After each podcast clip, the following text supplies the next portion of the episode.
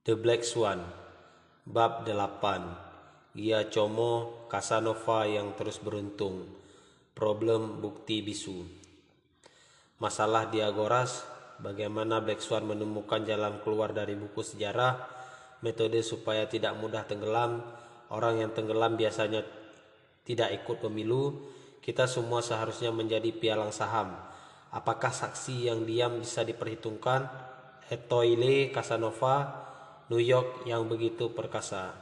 Sebuah keyakinan keliru lain dalam cara kita memahami kejadian-kejadian adalah dalam memahami bukti bisu, silent evidence. Sejarah menyembunyikan Black Swan dan kemampuannya membangkitkan Black Swan dari kita.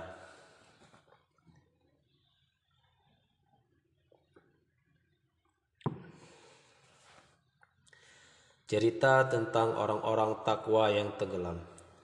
Lebih dari 2000 tahun silam, orator Roma, deklamator, pemikir, stoik, manipulator, politisi, dan biasanya laki-laki bermartabat Marcus Tullius Cicero menyajikan cerita berikut ini.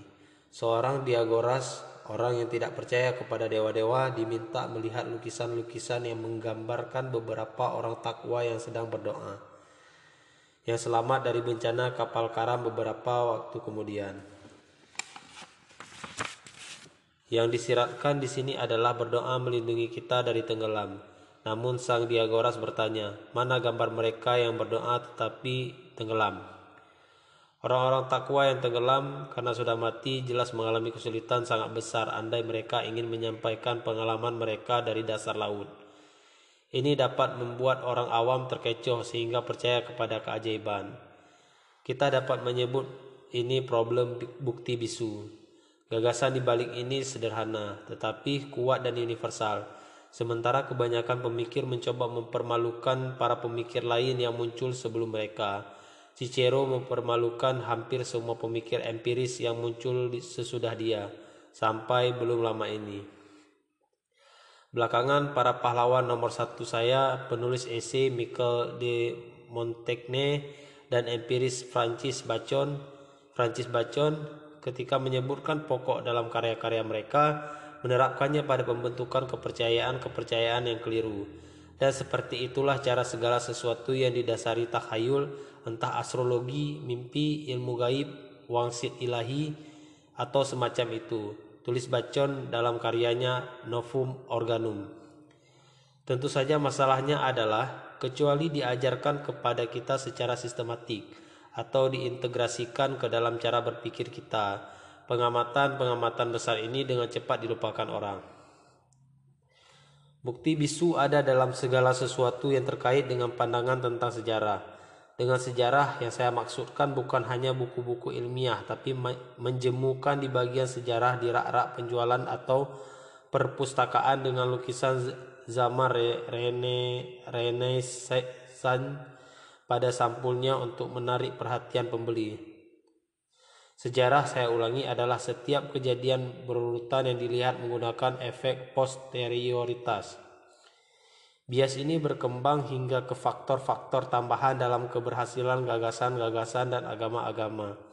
Ilusi tentang keterampilan dalam banyak profesi, keberhasilan pekerjaan-pekerjaan seni, perdebatan antara bawaan atau nature dan pengasuhan atau nurture. Kesalahan-kesalahan dalam menggunakan bukti di pengadilan, ilusi tentang logika sejarah, dan tentu saja yang paling parah dalam persepsi kita tentang sifat dasar peristiwa-peristiwa luar biasa. Anda berada di sebuah ruangan kelas mendengarkan seseorang yang merasa penting sendiri, bermartabat dan tambun, tetapi menjemukan. Mengenakan jaket wall kotak-kotak atau kemeja putih dasi polkadot berceramah secara dogmatik selama dua jam tentang teori sejarah. Anda terlalu lumpuh karena bosan untuk memahami apa gerangan yang sedang ia bicarakan. Tetapi Anda mendengar nama-nama tokoh besar seperti Hegel, Fichte, Marx, Proudhon, Plato, Herodotus, Ibnu Khaldun, Toynbee, Spengler, Celet, Karl Bloch, Fukuyama, Sumukuyama, Trukuyama. Ia kelihatannya sosok yang mendalam dan serba tahu. yang memastikan bahwa tak ada sesuatu yang akan membuat Anda lupa bahwa pendekatannya adalah pasca marsis, pasca dialektikal, atau pasca yang lain, apa pun maknanya. Kemudian Anda sadar bahwa sebagian besar yang dia katakan didasari sebuah ilusi optik sederhana. Namun, ini tidak akan menghasilkan sesuatu yang berbeda.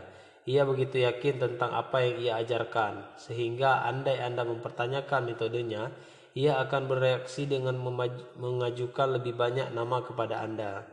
Begitu mudahnya pura-pura tidak melihat ada kuburan ketika kita berbicara tentang teori-teori sejarah. Namun, ini bukan hanya masalah dalam sejarah, ini masalah dalam cara kita membangun contoh-contoh dan mengumpulkan bukti dalam setiap domain. Kita akan menyebut distorsi ini bias, yakni perbedaan antara yang Anda lihat dan yang sesungguhnya. Bias yang saya maksudkan adalah kesalahan sistematik yang secara konsisten menunjukkan dampak lebih positif atau lebih negatif dari fenomena ini seperti sebuah timbangan yang terus-menerus menunjukkan beberapa kilogram lebih berat atau lebih ringan daripada berat Anda sesungguhnya, atau sebuah kamera video yang menambahkan beberapa sentimeter pada ukuran pinggang Anda. Bias ini telah ditemukan kembali di sana-sini di sepanjang ilmu-ilmu yang berasal dari abad lampau dan sering dilupakan dengan cepat, seperti buah pikir Cicero. Karena orang-orang takwa yang tenggelam tidak menuliskan pengalaman mereka dalam sejarah, itu sebabnya mereka lebih suka hidup.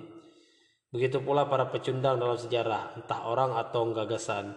Yang luar biasa, para pakar sejarah dan cendekiawan lain dalam ilmuwan dalam ilmu humaniora yang paling perlu memahami bukti bisu tampaknya tidak mempunyai nama untuk fenomena ini. Padahal saya sudah mencarinya dengan teliti. Sedangkan para jurnalis Fuh Geda Baudit Merekalah yang secara besar-besaran menghasilkan distorsi ini.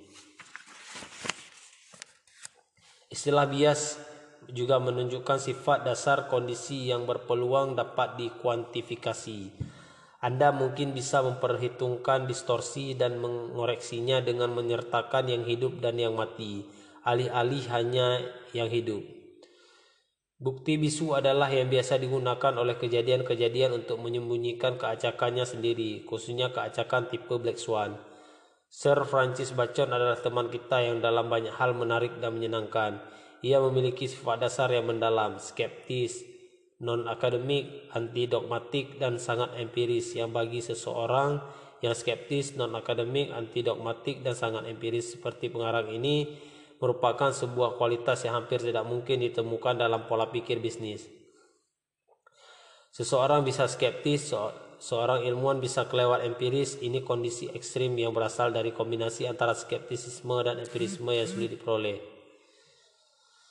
Masalahnya adalah empirisisme menginginkan kita menegaskan, bukan meruntuhkan. Jadi ia memperkenalkan masalah konfirmasi, yakni pembuktian yang sangat disayangkan justru menghasilkan black.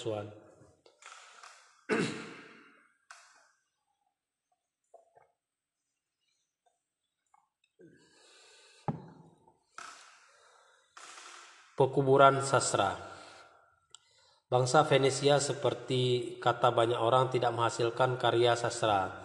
Walaupun mereka diakui telah menemukan abjad, para komentator membahas Filistinisme mereka berdasarkan ketiadaan warisan dalam wujud karya tulis dengan menekankan bahwa menurut ras atau kultur, kultur mereka lebih tertarik kepada dunia dagang ketimbang dunia seni. Sehubungan dengan itu, temuan abjad oleh bangsa Fenisia hanya untuk memenuhi kebutuhan pencatatan transaksi dagang yang tergolong rendah ketimbang untuk memenuhi kebutuhan penciptaan karya sastra yang dipandang lebih bermartabat. Saya teringat di rak di sebuah country house yang pernah saya sewa, saya menemukan sebuah buku sejarah yang sudah berjamur karangan Will and Ariel Duran yang menyebut bang bangsa Venesia sebagai merchant race.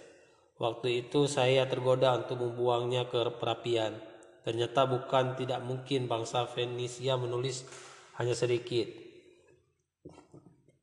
Tetapi menggunakan jenis papirus yang mudah lapuk sehingga tidak mampu bertahan cukup lama. Manuskrip memiliki tingkat kemusnahan yang tinggi sebelum para tukang salin dan pengarang beralih ke perkamen pada abad kedua atau ketiga. Artinya tulisan yang tidak diperbarui selama periode itu umumnya musnah. Pengabaian bukti bisu menjadi endemik terhadap cara kita mempelajari bakat komparatif, khususnya dalam kegiatan-kegiatan yang diwabahi dengan atribut-atribut winner take all. Kita boleh menikmati apa yang kita lihat, tetapi tak ada tanda-tanda kita akan mendapatkan cerita sukses karena kita tidak melihat gambaran selengkapnya. Coba kita ingat efek winner take all dari bab 3. Perhatikan begitu banyak orang yang menyebut diri penulis tetapi sesungguhnya hanya untuk sementara. Mengoperasikan mesin-mesin cappuccino yang mengilap di Starbucks Ketidakadilan dalam bidang ini lebih besar daripada katakanlah dalam bidang kesehatan karena kita jarang melihat seseorang dokter menjadi pelayan di restoran hamburger.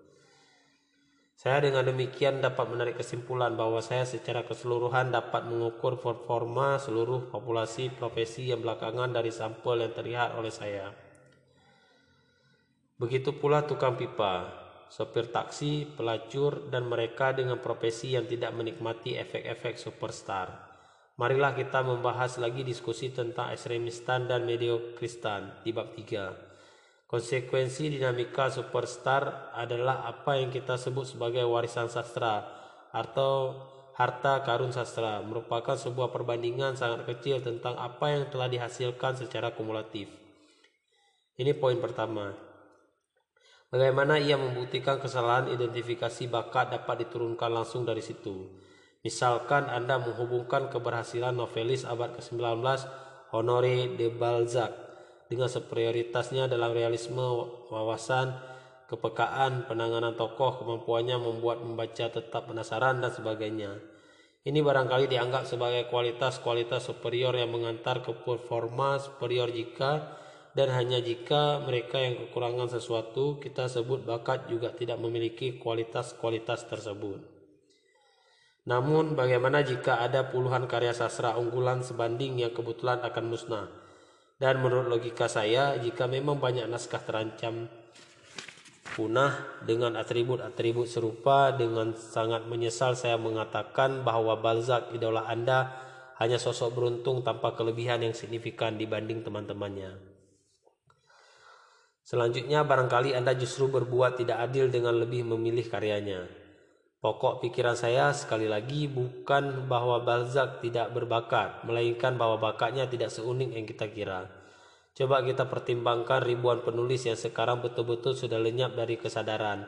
Rekor mereka tidak masuk ke dalam analisis. Kita tidak melihat ribuan naskah yang telah ditolak karena naskah-naskah ini tidak pernah diterbitkan. The New Yorker The New Yorker sendiri menolak hampir 100 naskah dalam sehari maka bayangkan jumlah jenius yang tidak akan pernah kita dengar. Dalam sebuah negeri seperti Prancis, tempat lebih banyak orang menulis buku, sementara yang menyedihkan hanya sedikit yang membaca buku-buku itu.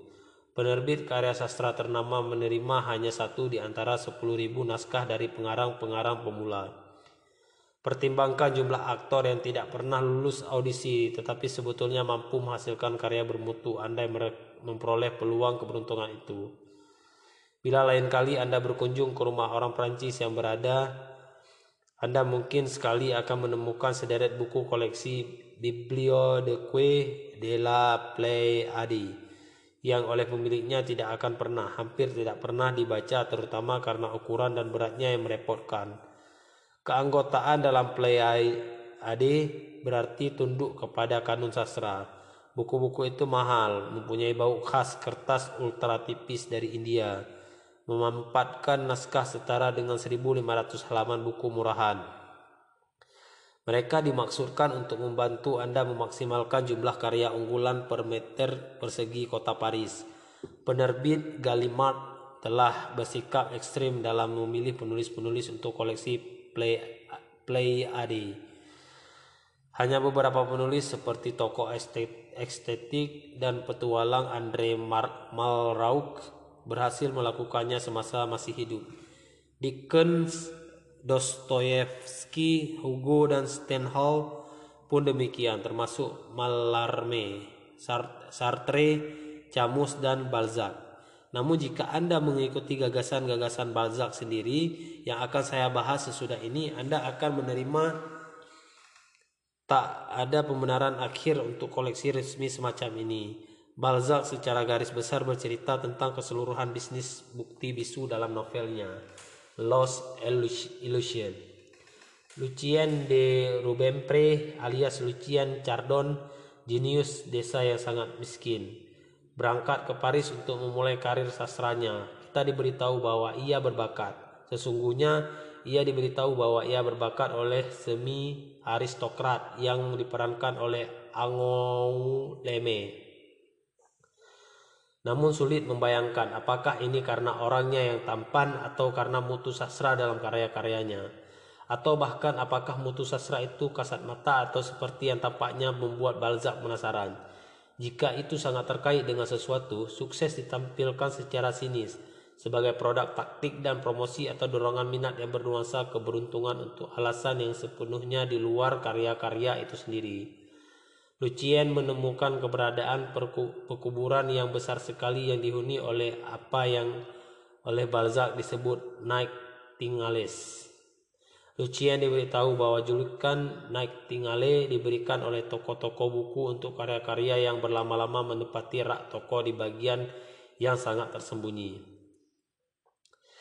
Balzac menghadirkan kepada kita kisah menyedihkan naskah kontemporer ketika naskah Lucien ditolak oleh sebuah penerbit yang belum pernah membacanya. Belakangan ketika reputasi Lucien telah berkembang, naskah yang tepat sama diterima oleh sebuah penerbit lain yang juga tidak pernah membacanya. Karya itu sendiri ada sebu adalah sebuah pertimbangan kedua. Dalam sebuah contoh lain untuk bukti bisu, tokoh-tokoh perbukuan terus mengungkapkan cerita duka bahwa segala sesuatu tak lagi seperti sebelumnya. Menyiratkan bahwa keadilan dalam bidang sastra lebih berkuasa di zaman yang lebih kuno. Seolah-olah tak ada kuburan sebelumnya. Mereka tidak memperhitungkan naik tingale di antara karya-karya kuno. Perhatikan bahwa hampir dua abad yang lalu orang mempunyai pandangan idealis tentang masa lampau mereka sendiri. Sama seperti kita mempunyai pandangan idealis tentang masa lampau zaman ini.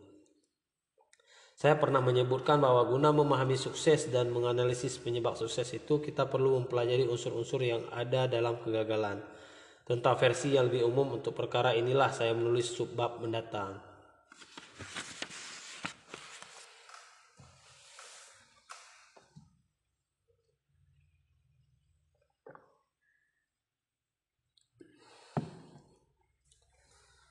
Cara menjadi orang kaya dalam 10 tahap. Banyak studi tentang orang kaya yang ditujukan pada pengungkapan keterampilan-keterampilan yang diperlukan oleh orang-orang unggulan hotshot mengikuti metodologi berikut ini. Mereka mengambil sebuah populasi orang unggulan yang mempunyai gelar-gelar dan jabatan-jabatan tinggi, kemudian mempelajari atribut-atribut mereka. Perhatikan mereka tertuju pada apa yang dipunyai oleh sekelompok tokoh menonjol, keberanian, pengambilan risiko, optimisme, dan sebagainya. Lalu menyimpulkan bahwa bakat-bakat inilah, terutama pengambilan risiko yang membantu Anda menjadi sukses. Anda pun barangkali akan mendapatkan kesan yang sama jika Anda membaca autobiografi yang ditulis oleh hantu-hantu CEO atau menghadiri presentasi mereka di depan para mahasiswa MBA yang sangat penurut. Sekarang coba kita mendatangi kuburan. Sama sulitnya melakukannya karena orang yang gagal umumnya tidak menulis buku kenangan dan andai mereka melakukannya, penerbit mana pun yang saya kenal tidak akan mempertimbangkan pemberitahuan lewat telepon atau ongkos kirim untuk pengembalian naskah. Para pembaca tidak akan menghayat 26,9 Para pembaca tidak akan membayar 26,9 dolar untuk sebuah cerita tentang kegagalan. Bahkan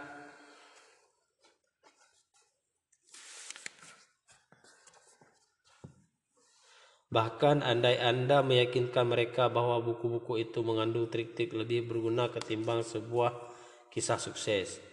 Pandangan keseluruhan tentang biografi direduksi dalam askripsi sembarang terkait dengan hubungan sebab akibat antara bakat-bakat tertentu dan kejadian-kejadian berikutnya.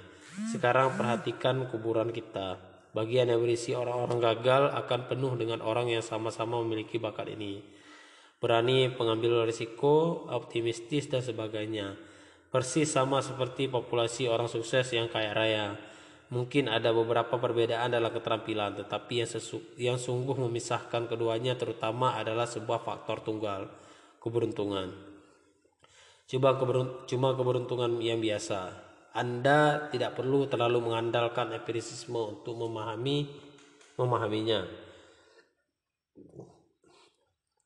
Sebuah eksperimen pikiran yang sederhana sudah cukup. Industri manajemen dana mengaku bahwa sebagian orang mempunyai keterampilan ekstrim. Karena tahun demi tahun mereka terbukti menguasai pasar. Mereka akan mengidentifikasi jenis-jenis ini dan meyakinkan Anda perihal kemampuan tersebut. Pendekatan saya adalah menciptakan kumpulan investor dengan anggota yang betul-betul acak dan dengan simulasi komputer sederhana menunjukkan betapa mustahil tidak memiliki jenis yang dihasilkan hanya melalui keberuntungan. Setiap tahun Anda memecat para pecundang, menyisakan hanya para pemenang, sehingga mempunyai para pemenang yang terus demikian untuk jangka panjang. Karena Anda tidak menyertakan pengamatan terhadap kuburan investor-investor yang gagal, Anda akan mengira bahwa itu bisnis yang bagus dan bahwa sebagian operator sangat lebih baik dibanding yang lain. Tentu saja sebuah penjelasan akan segera muncul untuk keberhasilan para pemenang yang beruntung. Ia makan tahu, ia bekerja sampai malam ketika suatu hari saya mampir di kantornya pada pukul 8 malam. Atau tentu saja ia pada dasarnya malas. Orang dengan sifat malas seperti itu justru mempunyai kemampuan melihat segala sesuatu dengan jelas. Melalui mekanisme determinisme retrospektif kita akan menemukan penyebab. Sesungguhnya kita perlu melihat penyebab itu. Saya menyebut simulasi ini hypothetical cohorts. Sering dikerjakan dengan komputer, sebuah mesin epistemologi komputasi. Eksperimen-eksperimen pikiran Anda dapat dijalankan pada sebuah komputer.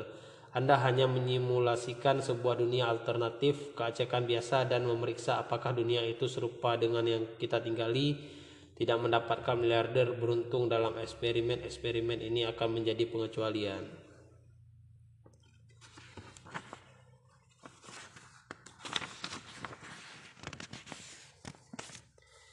Ingat perbedaan antara mediokristan dan ekstremistan dalam bab 3. Saya berkata bahwa mengambil sebuah profesi yang scalable bukan gagasan yang bagus, mata karena ada ada sangat terlalu sedikit pemenang dalam profesi-profesi ini.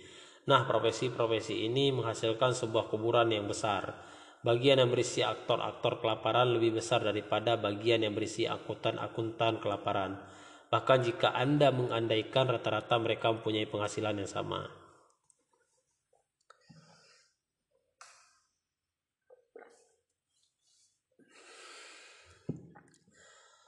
Klub kesehatan untuk tikus. Tipe kedua, dan lebih parah, problem bukti bisu adalah sebagai berikut. Ketika saya masih di awal usia 20-an dan masih membaca surat kabar, serta beranggapan bahwa membaca surat kabar secara teratur sesuatu yang bermanfaat bagi saya. Saya sampai ke sebuah artikel yang membahas makin besarnya ancaman mafia Rusia di Amerika Serikat dan perannya dalam menggantikan tradisi Louis dan Tony di beberapa kawasan Brooklyn. Artikel itu menjelaskan bahwa kekerasan dan kebrutalan mereka disebabkan oleh pengalaman mereka dalam pendadaran di Gulag. Gulag adalah sebuah jaringan camp kerja paksa di Siberia, tempat para penjahat dan pembangkang dibuang. Mengirim orang ke Siberia merupakan salah satu metode purifikasi yang awalnya digunakan oleh rezim SAR dan belakangan diteruskan dan disempurnakan oleh Soviet. Banyak orang buangan yang tidak berhasil bertahan hidup di kamp kerja paksa ini. Di dadar, di gulak. Kalimat tersebut terasa oleh saya sebagai sesuatu yang sangat keliru. Juga sebuah kesimpulan yang masuk akal. Saya memerlukan waktu agak lama untuk memahami omong kosong ini karena hal itu telah dilindungi dengan kemasan kosmetik. Eksperimen pikiran berikut ini akan memberikan intuisinya Andaikan Anda dapat menemukan sebuah populasi tikus yang besar dengan isi yang beragam, gemuk, kurus, penyakitan, kuat, proporsi tubuh sebanding dan sebagainya, Anda dapat dengan mudah mendapatkan mereka dari dapur-dapur restoran mewah di New York. Dengan ribuan tikus ini, Anda membangun sebuah komunitas heterogen, komunitas yang mewakili dengan baik seluruh populasi tikus New York. Anda dapat membawa mereka ke laboratorium saya di S59 Street di New York City dan kita akan menaruh seluruh koleksi itu dalam sebuah bejana raksasa. Kita memberi tikus-tikus itu radiasi dengan kadar yang terus ditambah karena ini cuma sebuah eksperimen pikiran. Saya diberitahu bahwa tidak ada kekejaman dalam prosesnya. Pada setiap kadar radiasi, mereka yang kuat secara alami dan ini yang penting bahkan lolos. Mereka yang mati akan disingkirkan dari sampel Anda. Kita akan secara progresif mendapatkan kumpulan tikus yang lebih kuat dan lebih kuat lagi. Perhatikan bahwa sentral ini, setiap ekor tikus termasuk tikus yang kuat sesudah melalui setiap proses radiasi akan menjadi lemah daripada sebelumnya. Seorang pengamat yang memiliki kemampuan analisis barangkali meraih nilai sangat istimewa di perguruan tinggi akan tergiring untuk percaya bahwa perlakuan di laboratorium laboratorium saya adalah sebuah simulasi klub kesehatan yang hampir sempurna. Juga sesuatu yang dapat digeneralisasi untuk semua mamalia. Bayangkan potensi sukses komersialnya. Logikanya akan berjalan sebagai berikut. Hei tikus-tikus ini lebih kuat dibanding sesama mereka dalam populasi yang sama. Apa kira-kira yang sama-sama mereka miliki? Mereka semua berasal dari laboratorium si Talib yang menganut Black Swan. Tak banyak orang akan tergerak untuk peduli kepada tikus-tikus yang mati. Selanjutnya kita ambil trik berikut ini di, di The New York Times. Kita membiarkan tikus-tikus yang berhasil lulus ini di New York City kemudian memberitahu koresponden kepala urusan pertikusan tentang sebuah berita berharga terkait dengan perubahan hierarki kekuasaan dalam populasi tikus New York. Ia akan menulis sebuah artikel yang panjang dan analitik tentang dinamika sosial tikus-tikus New York, termasuk kalimat-kalimat sebagai berikut. Tikus-tikus itu sekarang menjadi preman-preman dalam populasi mereka.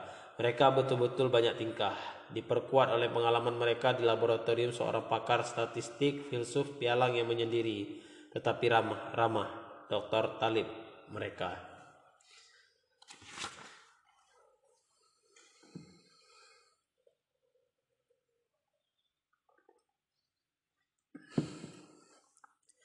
bias yang ganas ada sebuah atribut ganas untuk bias ini.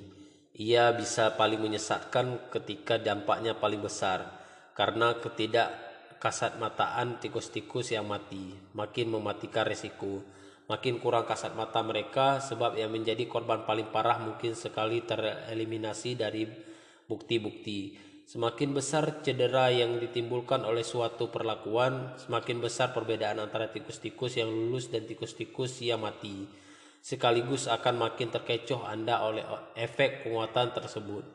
Salah satu di antara dua unsur berikut ini diperlakukan untuk perbedaan antara efek sesungguhnya, pelemahan, dan efek teramati, penguatan. A. Derajat ketidaksamaan dalam kekuatan atau diversitas di kelompok basis. Atau B. Ketidakseragaman atau diversitas entah di mana dalam perlakuan. Diversitas di sini terkait dengan tingkat ketidakpastian yang inherent dalam proses.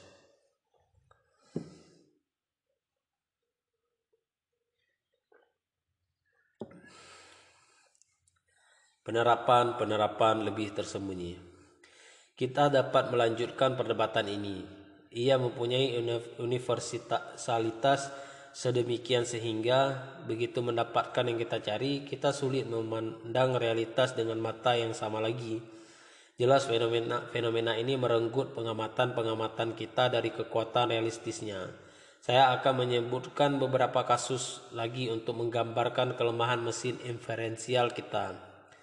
Stabilitas spesies. Anggap semua spesies yang kita tahu sekarang sudah punah. Untuk waktu yang lama, Ilmuwan menghitung jumlah spesies seperti itu berdasarkan apa yang tersirat dari analisis terhadap fosil-fosil yang masih ada. Namun jumlah ini mengabaikan kuburan spesies-spesies yang diam seribu bahasa, seribu bahasa yang telah datang dan pergi tanpa meninggalkan jejak dalam wujud fosil. Fosil-fosil yang telah kita cari terkait dengan proporsi lebih kecil dari semua spesies yang pernah datang dan pergi. Ini menyiratkan bahwa biodiversitas kita jauh lebih besar daripada yang kita duga dari penelitian pertama tentang itu. Sebuah konsekuensi yang lebih meresahkan adalah laju kepunahan spesies tidak mustahil jauh lebih besar daripada yang kita kira. Mendekati 99,5% spesies yang pernah hampir mampir di bumi tetapi sekarang telah punah. Sebuah jumlah yang di kalangan ilmuwan terus naik sejalan dengan waktu. Hidup ternyata sangat jauh lebih rentan daripada yang telah kita pra. Namun ini bukan berarti kita manusia harus merasa bersalah atas kepunahan-kepunahan di sekitar kita. Juga bukan berarti kita harus bertindak untuk menghentikan proses tersebut. Spesies-spesies itu telah datang dan pergi sebelum kita mulai merusak lingkungan. Tak perlu lagi rasa tanggung jawab moral untuk setiap spesies yang terancam punah. Does crime pay? Koran-koran melaporkan para penjahat yang tertangkap. Tak ada rubrik di New York di, di The New York Times yang bercerita tentang orang-orang yang melakukan kejahatan tetapi belum tertangkap. Begitu pula kasus-kasus penggelapan pajak, penyuapan di pemerintahan, jaringan prostitusi, peracunan pasangan kaya dengan zat yang tidak punya nama dan tidak dapat dideteksi, juga perdagangan narkoba. narkoba. Selain itu, representasi kita tentang penjahat yang baku boleh jadi didasari sifat-sifat penjahat kurang cerdas yang pernah tertangkap. Begitu kita meresapkan diri ke dalam pandangan tentang bukti bisu, begitu banyak hal di sekitar kita yang sebelumnya tersembunyi mulai mewujud dengan sendirinya. Setelah menghabiskan beberapa dasawarsa dalam pola pikir ini, saya yakin, tetapi tidak dapat membuktikan bahwa pelatihan dan pendidikan dapat membantu kita menghindari lubang-lubang jebakan.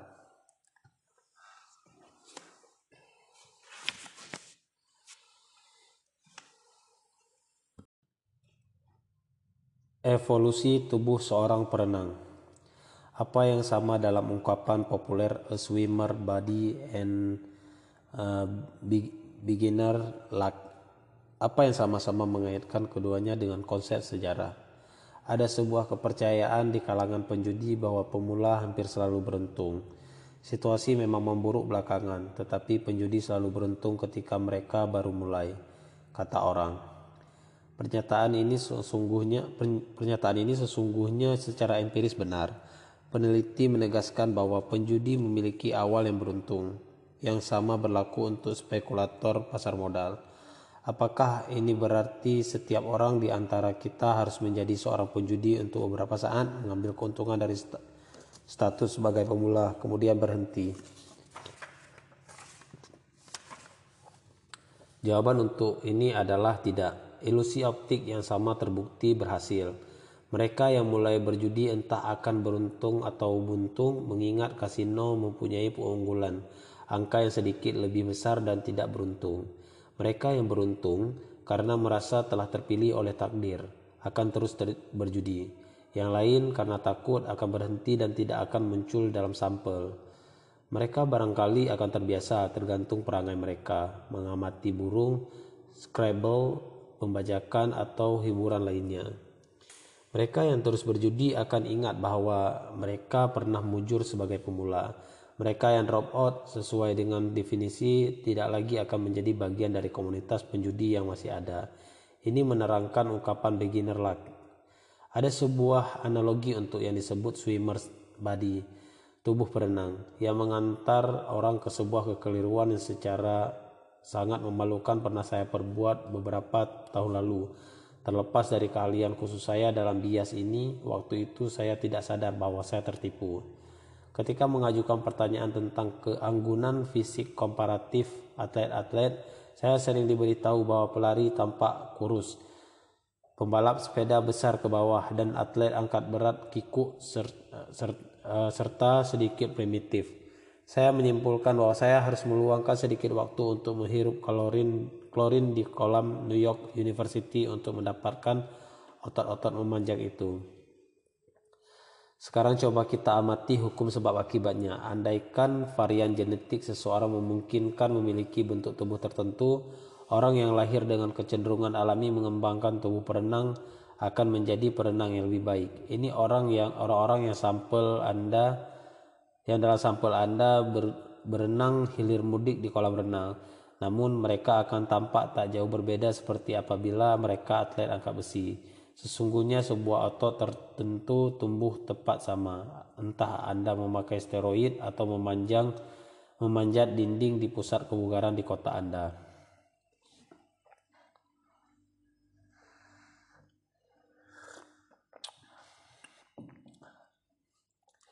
Yang Anda lihat dan yang tidak Anda lihat. Katrina, badai dahsyat yang morak-porandakan New, New Orleans pada tahun 2005 menyebabkan banyak politisi yang merasa sadar politik tampil di televisi.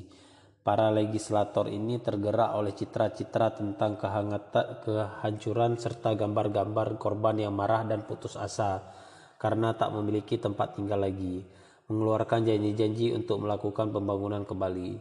Rasa mulia sekali bisa melakukan sesuatu demi kemanusiaan meninggalkan kecenderungan mementingkan diri sendiri yang telah menjadi semacam budaya. Apakah mereka berjanji melaksanakan tujuan itu dengan uang mereka sendiri? Tidak. Mereka mengandalkan dana masyarakat. Bayangkan dana semacam itu akan diambil dari suatu tempat lain, seperti dalam pepatah "You take from Peter to give to Paul". Suatu tempat lain itu akan mendapat porsi pemberitaan yang lebih sedikit ia boleh jadi sebuah riset kanker yang didanai swasta atau upaya lanjutan untuk mengelola diabetes. Hanya beberapa orang tampak memberikan perhatian kepada korban-korban kanker yang terbaring kesepian dalam depresi dan tidak sampai disiarkan melalui televisi. Pasien-pasien kanker ini tidak hanya tak ikut memberikan suara, mereka sudah meninggal pada pemilu mendatang.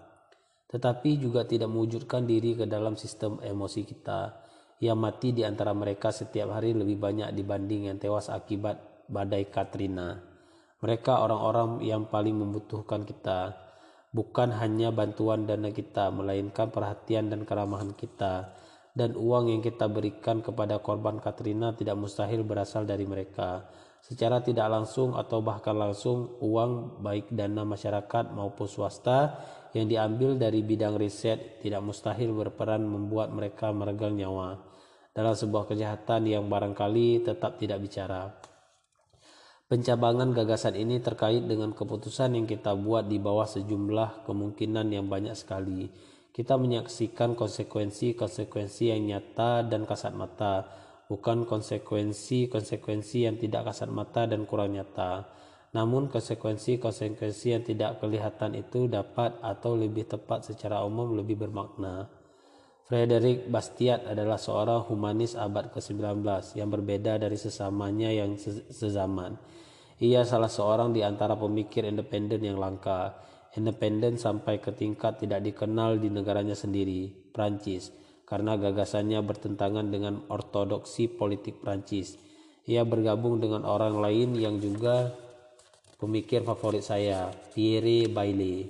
Dalam hal tidak dikenal di negaranya sendiri dan dalam bahasanya sendiri. Namun ia mempunyai sejumlah besar pengikut di Amerika.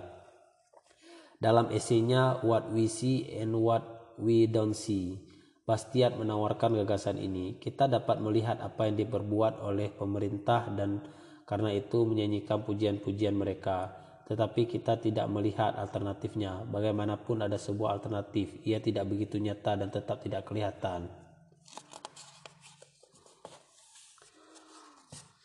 Ingat tentang kekeliruan konfirmasi. Pemerintah hebat dalam memberitahu Anda tentang apa yang mereka perbuat, tetapi tidak tentang apa yang tidak mereka perbuat.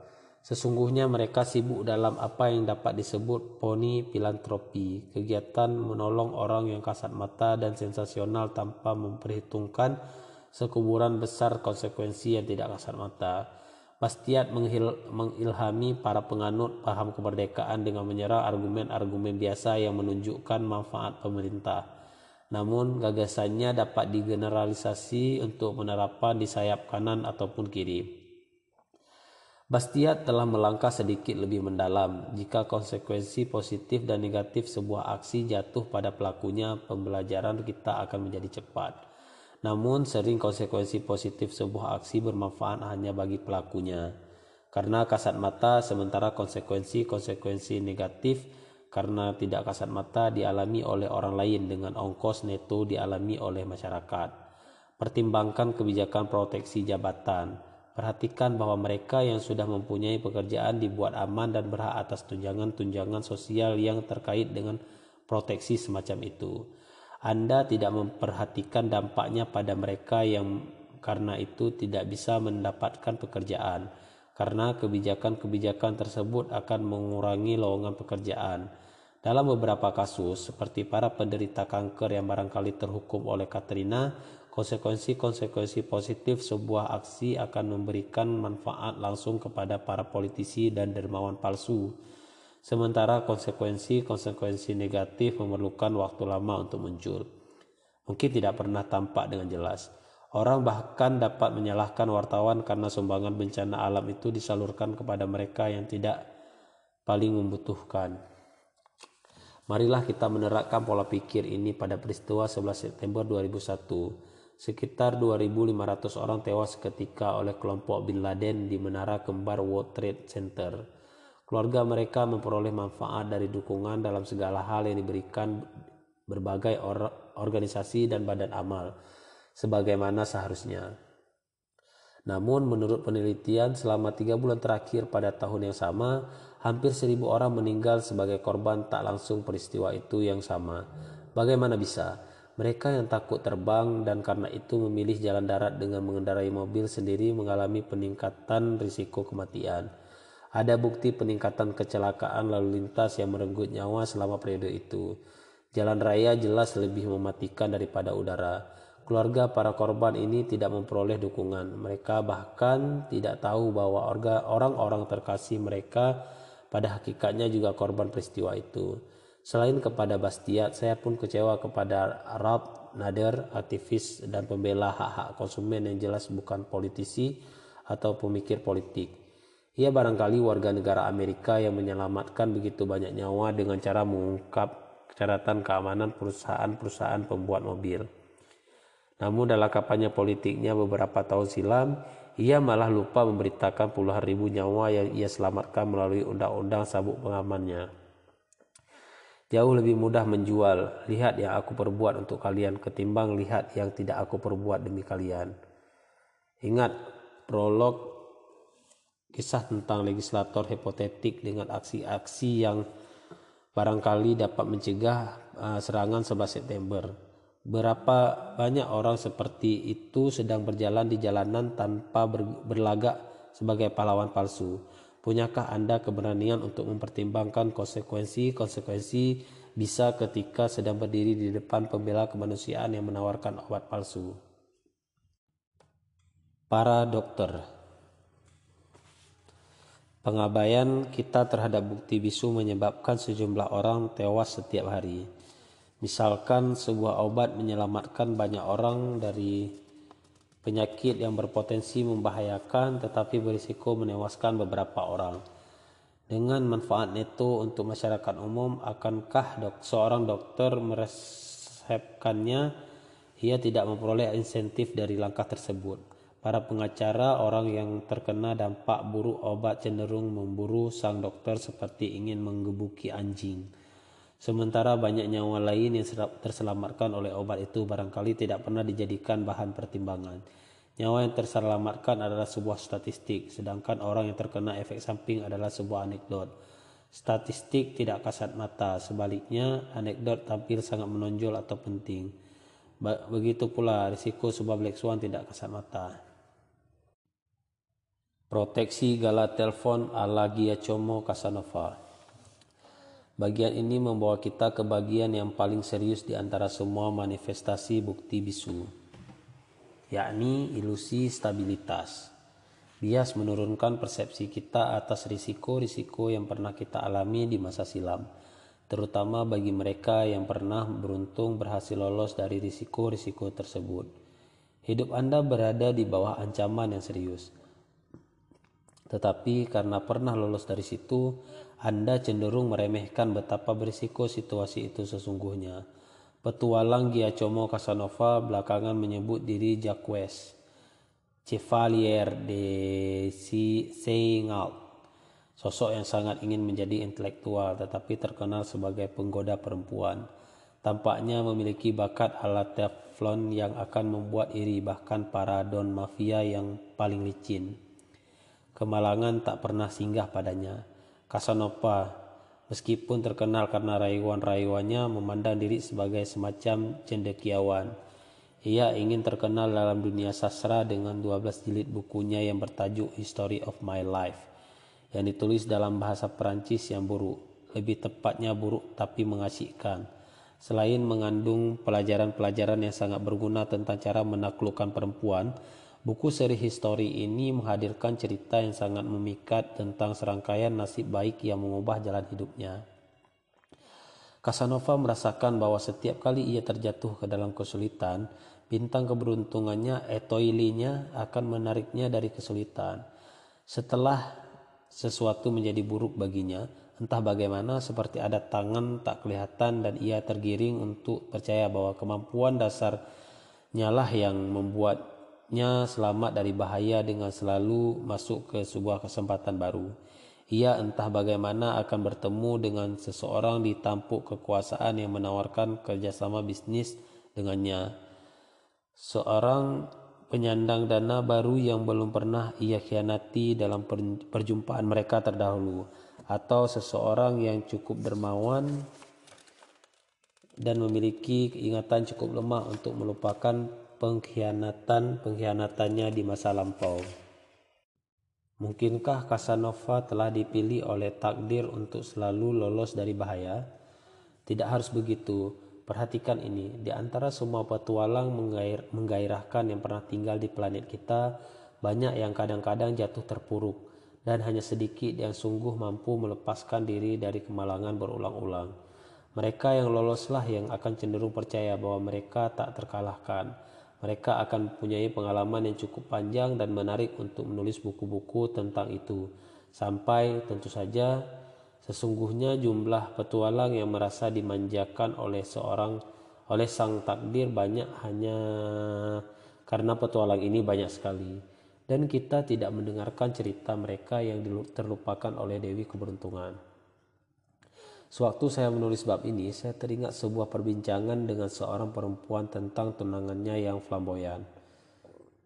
Putra seorang pejabat negeri yang melalui beberapa transaksi keuangan berusaha melambungkan diri ke dalam hidup seorang tokoh dalam sebuah novel dengan sepatu bukan kodian, cerutu kuba, mobil mewah dan sebagainya. Orang Prancis mempunyai sebuah istilah untuk ini, flambeur yang berarti campuran antara bon vivant, spekulator tulen dan pengambil risiko yang berangkat dari banyaknya personal charm, sebuah kata yang tampaknya tidak tersedia dalam budaya Anglo Anglo-Sason.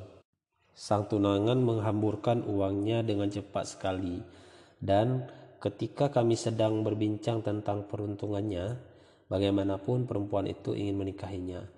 Sang perempuan bercerita kepada saya bahwa sang tunangan sedang mengalami masa-masa yang agak sulit, tetapi tak ada yang perlu dikhawatirkan karena ia selalu kembali dengan kemenangan. Itu beberapa tahun yang lalu.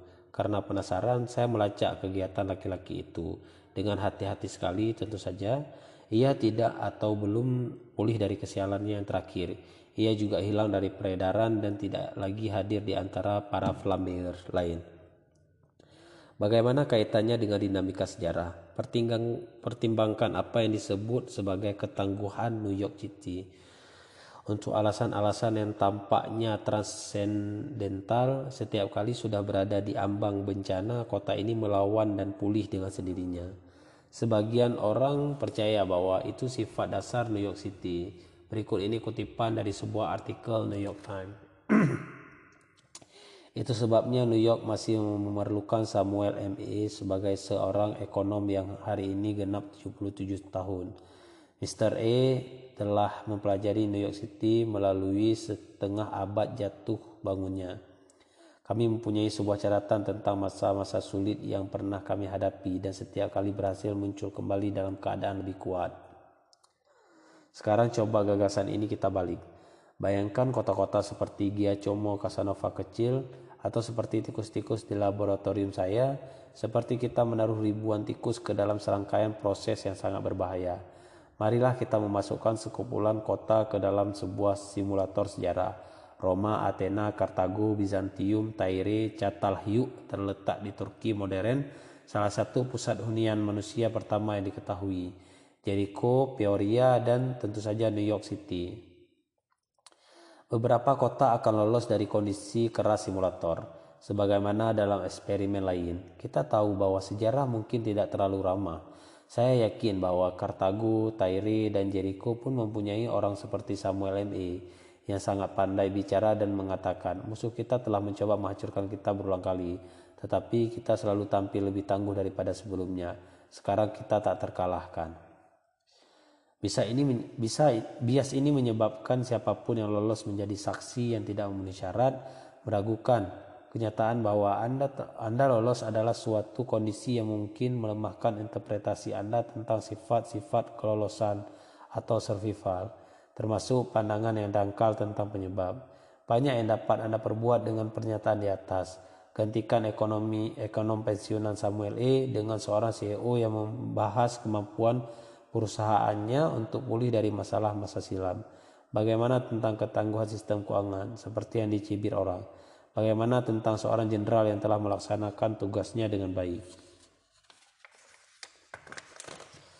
Pembaca sekarang dapat melihat mengapa saya menggunakan keberuntungan Casanova yang terus-menerus sebagai kerangka umum untuk analisis sejarah, semua sejarah. Di sini saya menciptakan sejarah antifisial yang menampilkan Misalnya jutaan Giacomo Casanova kemudian mengantri perbedaan antara atribut-atribut Casanova yang sukses. Karena Anda yang menciptakan mereka, Anda tahu sifat-sifat persisnya. Dan atribut-atribut yang akan dihasilkan oleh seorang pengamat dari perspektif itu menjadi seorang Casanova bukan gagasan yang bagus.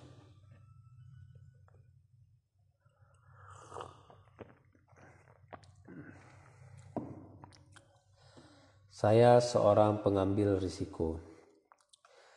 Misalkan ada bisnis restoran di sebuah tempat yang kompetitif seperti New York City, orang memang harus cukup bodoh untuk membuka sebuah restoran di sana.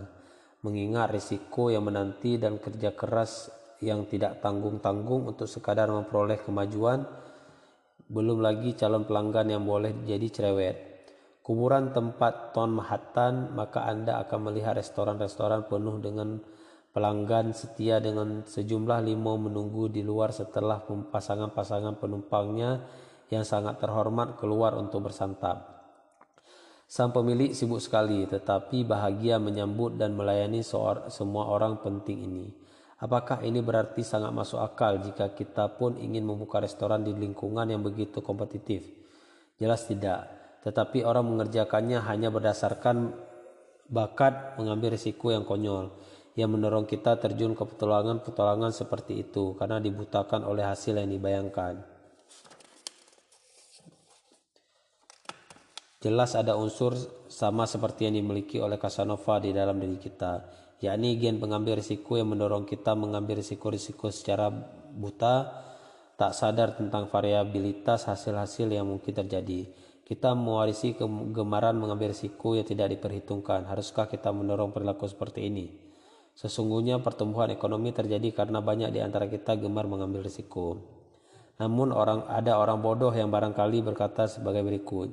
Jika seseorang menuruti akal sehat seperti saya, kita tidak akan mendapatkan pertumbuhan spektakuler seperti yang kita alami di masa lalu. Ini tepatnya seperti seseorang yang memainkan roulette Rusia kemudian menemukan gagasan bagus karena ia lolos dari maut dan memperoleh uang banyak sebagai imbalan. Kita sering diberitahu bahwa kita manusia mempunyai kecenderungan untuk optimistis, juga bahwa itu seharusnya baik untuk kita. Argumen ini muncul untuk membenarkan pengambilan risiko risiko yang umum sebagai sesuatu yang positif dan sesuatu yang dimuliakan dalam budaya yang lazim. Hei, lihat, nenek moyang kami cenderung mengambil tantangan sedangkan Anda, NNT, mendorong kami untuk tidak berbuat apa pun. Saya tidak begitu. Sesungguhnya kita mempunyai bukti yang memadai untuk menegaskan hal itu bahwa kita manusia adalah spesies yang sangat beruntung.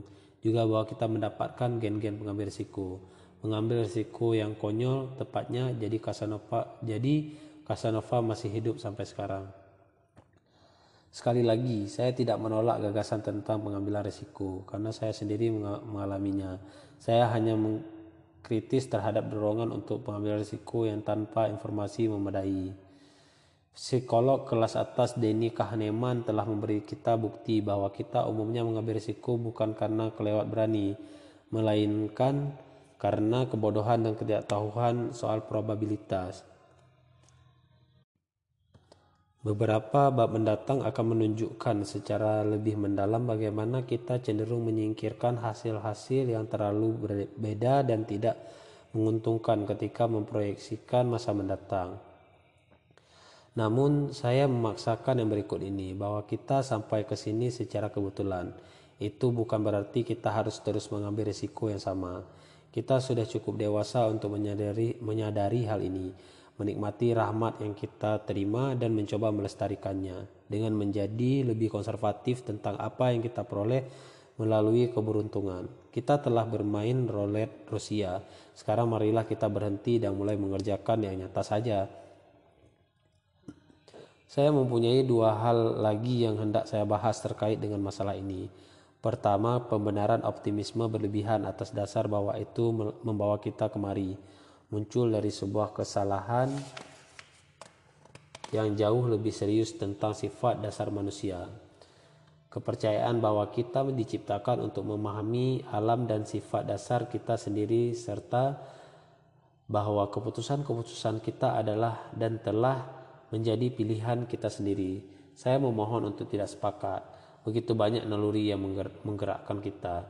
Kedua, sedikit lebih serius dibanding poin pertama, kebugaran evolusioner evolutionary fitness adalah sesuatu yang terus-menerus dipropagandakan dan dikukuhkan oleh orang banyak yang menjadikannya semacam kitab suci.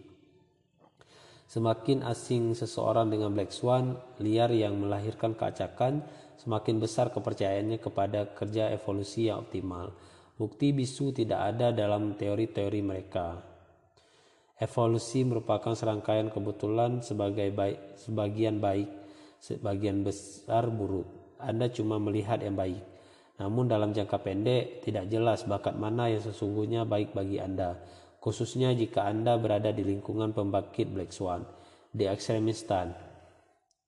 Ini seperti melihat penjudi-penjudi kaya yang baru keluar dari kasino dan kemudian mengatakan bahwa kebiasaan berjudi itu baik bagi spesies ini karena berjudi membuat Anda kaya. Pengambilan risiko membuat banyak spesies menuju kepunahan.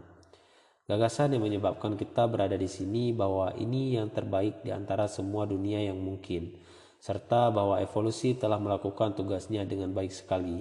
Tampaknya agak meragukan bila ditinjau dari efek bukti bisu orang-orang konyol bahwa Casanova dan, dan para pengambil risiko buta sering kali merupakan orang yang menjadi pemenang dalam jangka pendek. Lebih buruk lagi, di sebuah lingkungan Black Swan, tempat kejadian yang langka bisa datang dan melakukan perubahan radikal terhadap sebuah spesies sesudah menjalani proses pembugaran jangka panjang. Para pengambil risiko yang bodoh pun bisa menang dalam jangka panjang.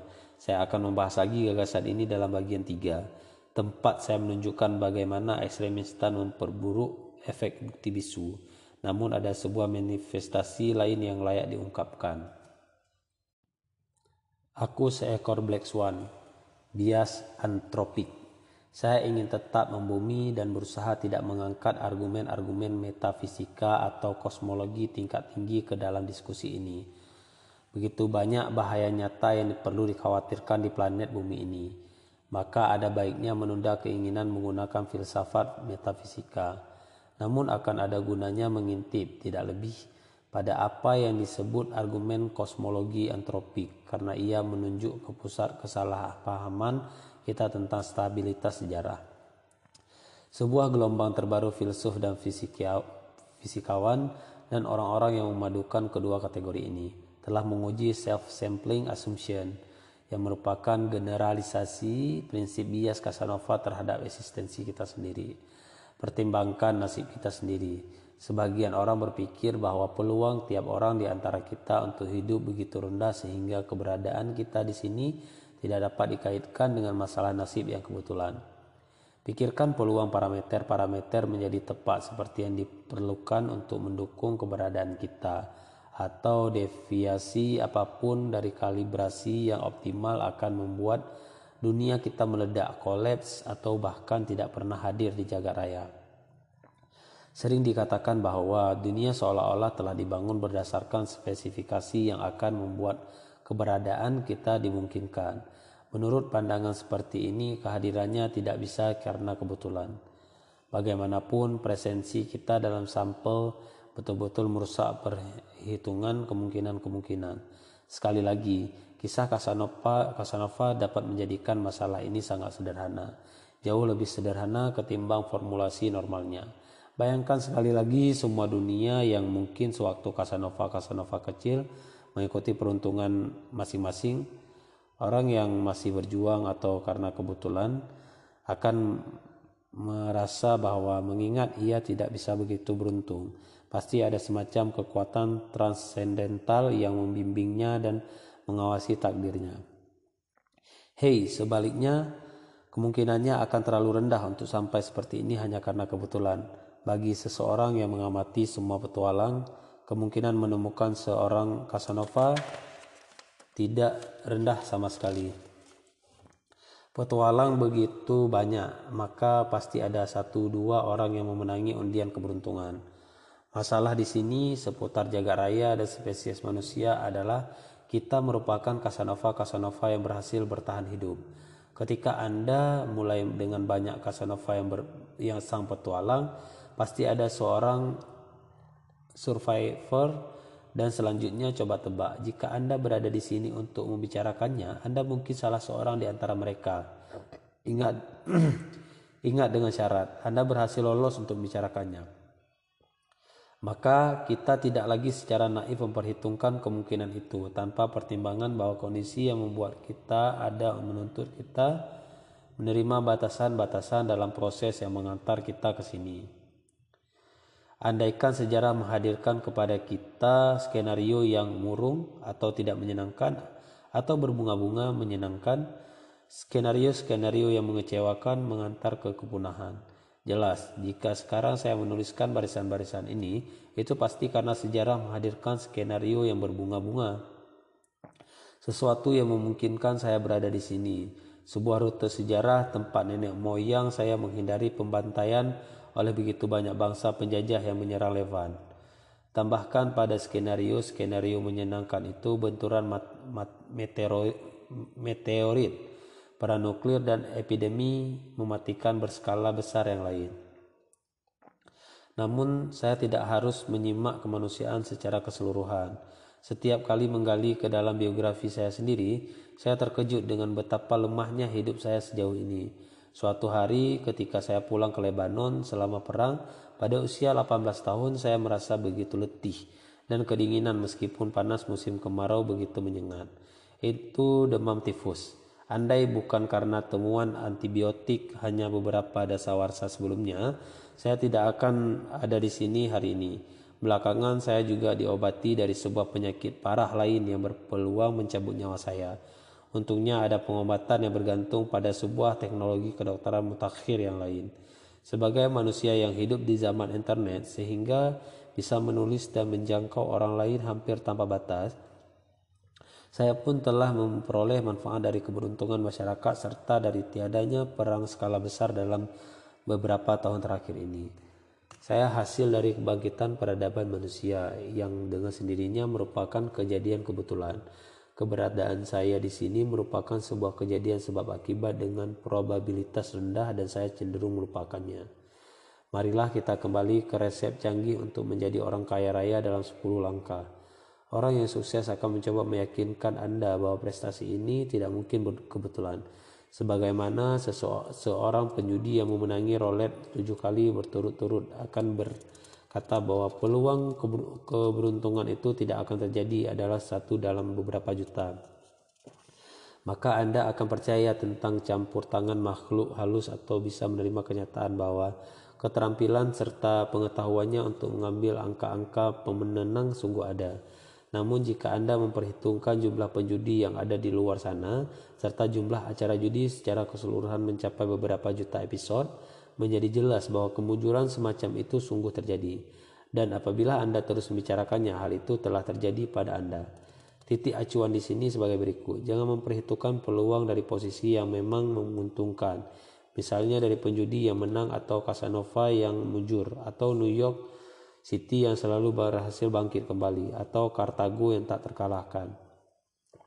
Melainkan dari semua yang berawal dari kumpulannya, coba simak sekali lagi contoh tentang penjudi kita. Jika Anda melihat pada populasi penjudi tingkat pemula yang diambil secara keseluruhan, Anda bisa hampir memastikan bahwa salah seorang di antara mereka, tetapi sebelumnya Anda tidak tahu yang mana, akan menunjukkan hasil-hasil menak cupkan hanya karena keberuntungan. Maka dari titik acuan kumpulan pemula itu bukanlah masalah besar. Namun dari titik acuan sang pemenang dan ini penting tidak memperhitungkan keberadaan para pecundang. Serangkaian panjang kemenangan akan menjadi terlalu luar biasa untuk disebut sebagai keberuntungan. Perhatikan bahwa sebuah sejarah hanya serangkaian angka dalam skala waktu. Angka-angka itu dapat menyatakan tingkat kekayaan, kebugaran, bobot, dan sebagainya.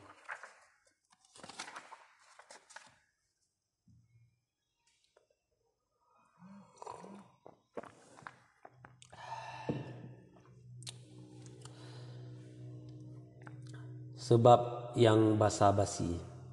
Ini dengan sendirinya sangat melemahkan pandangan tentang sebab yang sering dikedepankan oleh para ilmuwan dan hampir selalu digunakan secara salah oleh para pakar sejarah. Kita harus menerima kepe, kepelikan sebab yang sudah akrab. Tidak peduli betapa menyebalkan ia bagi kita dan betapa menyebalkan ketika kita harus menghilangkan ilmu analgesik teori sebab akibat. Perlu saya ulangi bahwa kita adalah hewan pencari penjelasan yang cenderung berpikir bahwa segala sesuatu mempunyai sebab yang dapat diidentifikasi dan mengambil apa yang paling kelihatan sebagai penjelasan termaksud.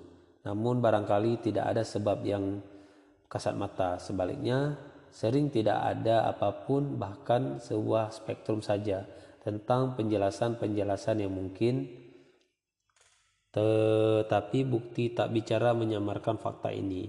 Kapan pun kemampuan bertahan hidup berperan, pandangan tentang sebab yang sama mengalami pelemahan yang luar biasa. Kondisi survival menenggelamkan semua penjelasan yang mungkin. Sebab Allah Aristoteles bukan hadir untuk menerangkan hubungan yang mantap di antara dua hal, melainkan sebaliknya. Seperti kita lihat dalam bab 6, untuk mengatasi kelemahan tersembunyi kita dalam mengomunikasikan penjelasan. Coba kita terapkan prinsip ini pada pertanyaan berikut. Mengapa wabah sampar tidak menewaskan lebih banyak orang? Orang akan mengeluarkan sejumlah besar penjelasan basa-basi menyangkut teori-teori tentang intensitas wabah dan model-model ilmiah tentang epidemi. Sekarang mari kita coba argumen sebab akibat melemah yang baru saja saya tekankan dalam bab ini. Andai wabah sampar menewaskan lebih banyak orang, tak akan ada pengamat yang bercerita kepada kita. Maka tidak harus sifat penyakit itu yang perlu diwaspadai oleh manusia. Manakala ada Anda lolos dari suatu proses, Jangan langsung mencari sebab dan akibat. Penyebab utama yang teridentifikasi untuk kelolosan kita dari penyakit seperti itu barangkali cuma tidak terjangkau oleh kita. Kita berada di sini seperti Casanova karena skenario berbunga-bunga yang dimainkan dan tampaknya terlalu sulit untuk memahaminya karena otak kita telah terlalu dikucuci oleh pandangan-pandangan tentang sebab akibat dan kita berpikir bahwa menyajikan sebab dianggap lebih cerdas daripada menerima kacakan.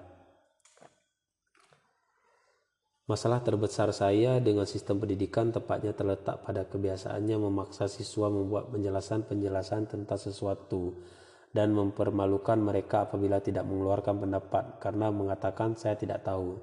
Mengapa perang dingin berakhir? Mengapa bangsa Persia kalah dalam pertempuran Salami Mengapa Hannibal bisa kalah? Mengapa Casanova selamat dari situasi sulit? Dalam tiap contoh ini kita mengambil sebuah syarat lolos kemudian mencari penjelasan alih-alih membalikkan argumen tersebut dan menyatakan bahwa sebagai syarat untuk survival seperti itu orang tidak dapat membaca sebanyak itu dalam prosesnya dan sebaliknya harus belajar memasukkan sedikit unsur keacakan keacakan adalah sesuatu yang tidak kita ketahui memasukkan keacakan sama dengan membodohkan diri bukan hanya dosen perguruan tinggi yang memberi anda kebiasaan-kebiasaan buruk saya menunjukkan dalam bab 6 Bagaimana surat kabar perlu menjejali tulisan-tulisannya dengan hubungan sebab akibat supaya Anda menikmati cerita yang disajikan. Tetapi milikilah integritas untuk menampilkan sebab Anda seekonomis mungkin. Cobalah membatasinya untuk situasi-situasi ketika sebab diturunkan dari eksperimen bukan dari kejadian masa silam. Perhatikan di sini bahwa saya tidak mengatakan bahwa sebab itu tidak ada. Jangan menggunakan argumen ini supaya tidak usah belajar dari sejarah. Yang hendak saya katakan adalah ini tidak begitu sederhana. Waspadalah terhadap sebab dan tanganilah dengan hati-hati, khususnya dalam situasi-situasi ketika Anda mencurigai kehadiran bukti bisu. Kita telah menyaksikan beberapa macam bukti bisu yang menyebabkan deformasi-deformasi dalam persepsi kita tentang realitas empiris yang menjadikannya tampak lebih mudah dijelaskan dan lebih stabil daripada sesungguhnya.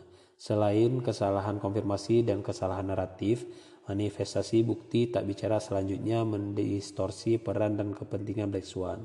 Sesungguhnya ia kadang-kadang menimbulkan taksiran berlebihan yang besar sekali, misalnya untuk sukses karya sastra dan taksiran kelewat rendah untuk yang lain, stabilitas sejarah, stabilitas spesies manusia.